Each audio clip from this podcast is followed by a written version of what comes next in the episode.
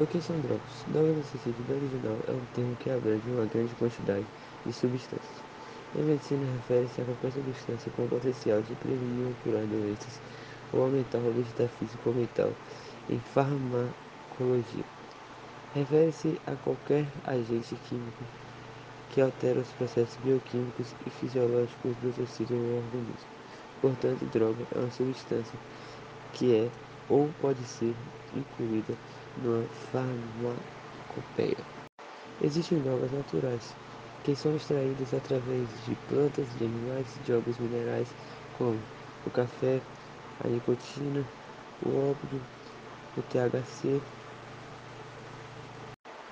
As drogas sintéticas são fabricadas em laboratório exigindo para isso técnicas especiais. O termo droga apresenta-se a várias interpretações, mesmo ao senso comum. É uma substância proibida de uso ilegal e nocivo ao indivíduo, modificando-lhe as sensações, as sensações e o humor contemporâneo. No Brasil, a legislação define como droga as substâncias ou produtos capazes de causar dependência. Assim, no Brasil, a legislação define como droga as substâncias ou produtos capazes de causar dependência, assim especificados em lei ou relacionamentos ilícitos atualizados periodicamente pelo Poder Executivo da União, segundo o parágrafo do artigo 1, Lei nº 11.349, de 23 de agosto de 2006. Isso significa, que, isso significa dizer que as normais penas que tratam do usuário, do dependente e do traficante são consideradas normais penas sem grau. Atualmente no país são considerados todos os produtos e substâncias lícitas na portaria. Então, tratando-se de droga, eu resolvi falar sobre a cocaína. Quais são os efeitos da cocaína a curto prazo? A cocaína é causa uma intensa e rápida euforia, que em seguida, imediatamente pelo oposto, uma intensa depressão, tensão e avidez por mais droga. As pessoas que consomem não comem nem dormem adequadamente. Elas podem sofrer uma frequência cardíaca muito elevada, espasmos musculares e convulsões. A droga pode fazer a pessoa sentir-se paranoica, zangada, hostil e ansiosa, mesmo quando a pessoa não está eufórica. Não obstantemente, a quantidade ou a frequência do consumo da droga. A cocaína aumenta o risco do consumidor de sofrer um ataque cardíaco, acidente vascular cerebral, convulsões ou falha respiratória, podendo qualquer um desses causar morte súbita. Efeitos da cocaína a longo prazo. A palavra agarrado foi inventada há muitos anos para descrever os efeitos colaterais negativos do uso constante de cocaína. À medida que a tolerância à droga aumenta, torna-se necessário usar cada vez mais quantidades maiores para conseguir uma maior euforia. O uso diário prolongado causa perda de sono e de apetite. Por uma pessoa pode tornar-se psicótico e começar a ter alucinações. Como a cocaína interfere na maneira como o cérebro processa os produtos químicos, uma pessoa precisa cada vez mais droga para se sentir normal.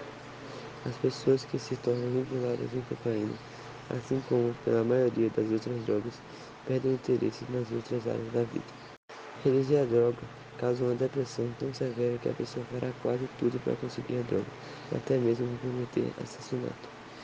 E se não conseguir a cocaína, depressão pode se tornar-se tão intensa que pode levar tóxico-dependente ao suicídio.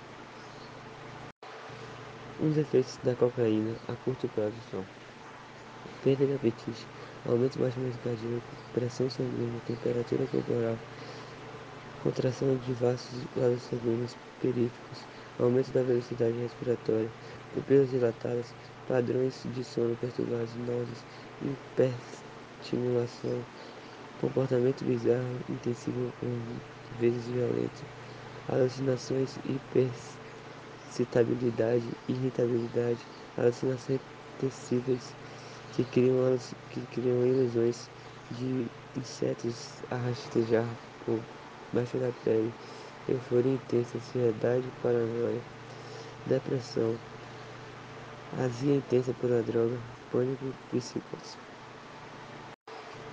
Efeitos a longo prazo. danos irreversíveis nos vasos sanguíneos, coronais e cerebrais, tensão arterial elevada que causa ataques cardíacos, derrames vasculares cerebrais e mortes, dano no fígado, rins e pulmões, destruições dos tecidos nasais sinalada, falhas respiratórias fumadas, doenças infeccionadas e obsessivas.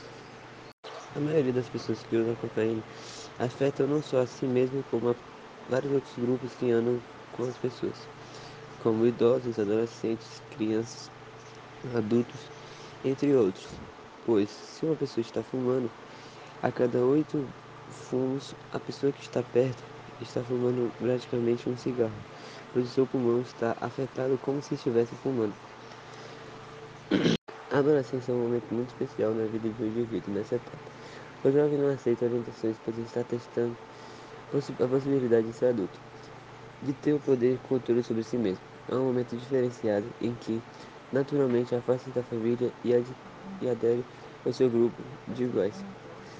Se esse grupo estiver experimentalmente usando drogas, ou pressiona usar também, ao entrar em contato com outras drogas. Nesse período de vulnerabilidade, expõe-se também a muitos riscos. Encontro do adolescente com a droga é um fenômeno muito mais frequente do que se pensa, e por complexidade, difícil de ser abordado. Prevenção contra a droga.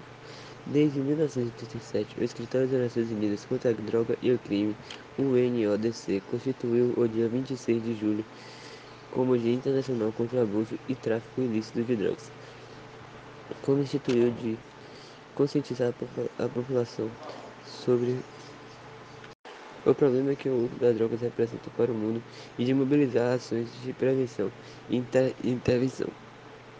Em alusão à data, vamos falar sobre os principais dados relacionados ao uso da droga e sobre a importância de promover a prevenção, espe especialmente no contexto de trabalho.